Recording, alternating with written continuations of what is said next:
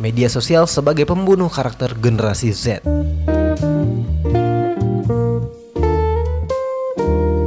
Ironis memang ketika kita mengetahui uh, fenomena media sosial sekarang tuh udah udah sangat sangat bisa dikatakan kronis banget.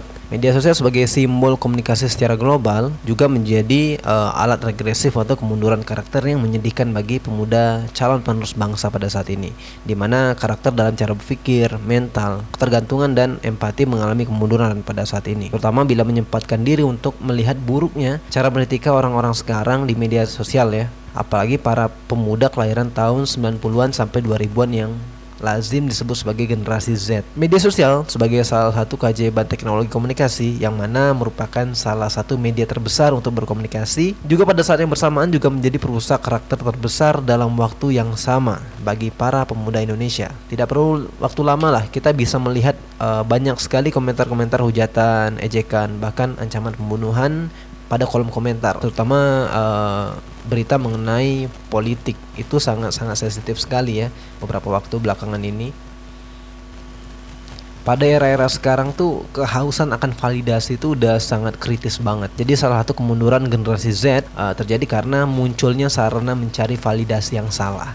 Validasi atau kebutuhan untuk diakui oleh orang-orang adalah kebutuhan pokok semua manusia untuk mempertahankan keberadaannya dalam hidup. Namun berbeda dengan dulu, orang-orang yang mungkin hidup di tahun 80-an, 90-an, kebanyakan dari mereka cenderung uh, mencari validasi itu dengan berusaha mencari prestasi, mempunyai ambisi besar atau aktif dalam kegiatan kemanusiaan. Sekarang pencarian validasi dilakukan dengan cara mencari kuantitas jumlah antara likes, komen, dan views. Di era sekarang tuh anak-anak mudanya tuh udah bercita-cita untuk menjadi viral dengan cara-cara yang bisa dikatakan uh, mungkin nyeleneh mungkin nggak biasa. Karena dengan itu mereka dapat mencari perhatian orang. Yang akhirnya dari perhatian itu orang-orang akan attach ke dia dan dia berharap di sana memiliki followers yang banyak views yang banyak perhatian yang banyak. Terlepas dari apa yang dia lakukan itu baik atau salah sebenarnya. Yang penting lakukan dan mencari pusat perhatian. Dan ini sangat sangat tidak bisa sekali dikontrol ya. Karena semua generasi Z itu rata-rata satu orang tuh udah punya satu handphone, sudah satu, punya satu smartphone. Bahkan hampir setiap generasi Z itu udah punya akun TikTok dan sebagainya macamnya sarana mereka untuk uh, apa ya memvalidasi diri mereka seperti itu karena TikTok merupakan salah satu platform yang cukup uh, apa ya cukup memiliki perhatian yang banyak pada saat sekarang ini. Makanya pada masa-masa sekarang juga e, narsisme itu menjadi cara utama untuk mengatasi rasa perlunya untuk dibutuhkan melalui validasi media sosial. Yang mana hubungan dengan media sosial dan smartphone melepaskan rangsangan saraf. Itulah mengapa saat kita mendapatkan pesan atau feedback dari orang lain, kita akan merasa puas akan hal itu dari narsisme kita ataupun dari action yang kita lakukan di media sosial mendapatkan uh, likes banyak ataupun mungkin mendapatkan uh, komentar itu secara tidak langsung memicu rasa puas yang kita rasakan. Studi di Harvard University di tahun 2012 juga melaporkan bahwasannya dengan membicarakan tentang diri sendiri melalui media sosial akan mengaktifkan sensasi kenikmatan di otak yang terkait dengan makanan, uang, dan seks. Informasi ini dikutip dari ultimate.com. Selain itu, sensasi kenikmatan tersebut sangat adiktif dan merusak tidak jarang ya ketika kita mendapatkan uh, respon dari orang di komentar kita tuh cenderung puas dan pengen lakuin lagi setelah itu Sebab sama halnya dengan barang adiktif lainnya seperti rokok dan minuman keras, sensasi kenikmatan media sosial akan membenarkan segala cara agar diakui oleh orang lain. Yang terpenting adalah likes, komen, dan views, bukan makna dari pesan dari konten yang diunggah oleh pengguna media sosial. Again and again, balik lagi ke kuantitas. Nah, berangkat dari postingan-postingan yang cenderung memikirkan kuantitas, orang-orang di Indonesia cenderung setelah itu akan uh, apa ya menjadikan media sosial itu sebagai sarana untuk menghujat, menghina orang lain juga yang bahkan tidak kenal hanya karena mempunyai opini yang berbeda kayak gitu. Di Indonesia itu termasuk negara yang pengguna media sosial itu besar. Ditambah lagi sekarang smartphone udah pada murah dan semua orang tuh udah bisa punya smartphone sekarang. Udah bisa main TikTok sekarang. Modal 2 juta udah bisa main TikTok sekarang.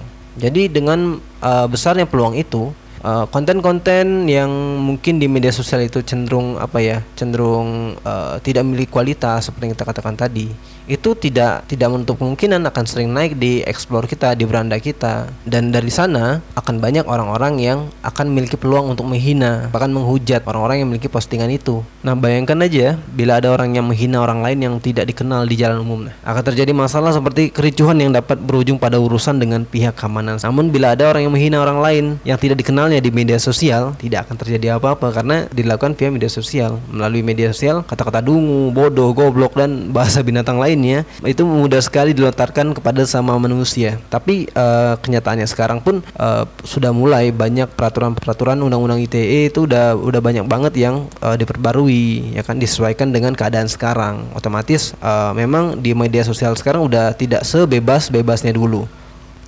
Sebagai contoh kemarin ini uh, apa namanya? timbul sosok Bowo Arpan Libe, seorang anak SMP kelahiran tahun 2005 yang menerima ratusan pelecehan verbal uh, melalui hujatan dan penghinaan yang menggunakan istilah al kelamin dan bahasa binatang lainnya melalui Instagram. Dan Bowo ini terkenal karena TikTok dan uh, postingan-postingannya itu uh, apa ya? Memicu banyak orang-orang untuk berkata kasar karena postingan-postingannya itu cenderung alay bagi banyak orang. Tapi di satu sisi, Bowo memiliki banyak fans di situ. Banyak sekali eh, anak-anak sumuran itu menjadi fansnya Bowo. Padahal at least Bowo ini kan bukan siapa-siapa. Dari sana juga kita tuh bisa memetik pelajaran bahwasanya tuh sekarang uh, siapa pun tuh udah bisa jadi viral. Semua orang tuh udah bisa jadi terkenal kayak gitu.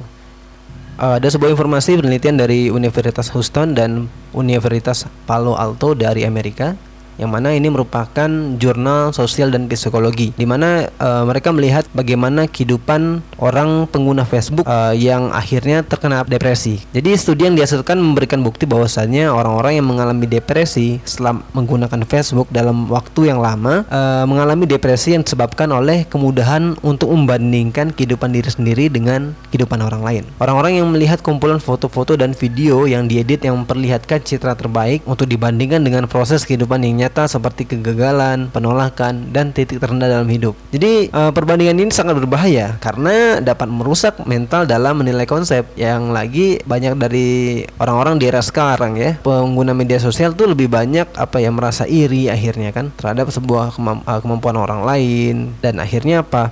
Uh, ini dapat menyebabkan generasi penerus bangsa tuh cenderung menjadi generasi yang rendah dalam kepercayaan diri dan motivasi untuk berjuang hidup. Melihat media sosial yang sekarang tuh udah sangat bebas banget ya kan? Semua orang tuh udah bisa banget memposting apa pun yang mereka punya. Dan akhirnya orang-orang yang mungkin biasa aja tuh terkesan iri akhirnya kan? Ada juga fenomena orang-orang tuh yang berusaha untuk memasakkan dirinya tuh sampai ke level-level tertentu. Padahal uh, secara kemampuan dia tuh sebenarnya nggak mampu kayak gitu loh itu karena apa? Ya karena uh, karena validasi karena pengen banget dianggap oleh orang lain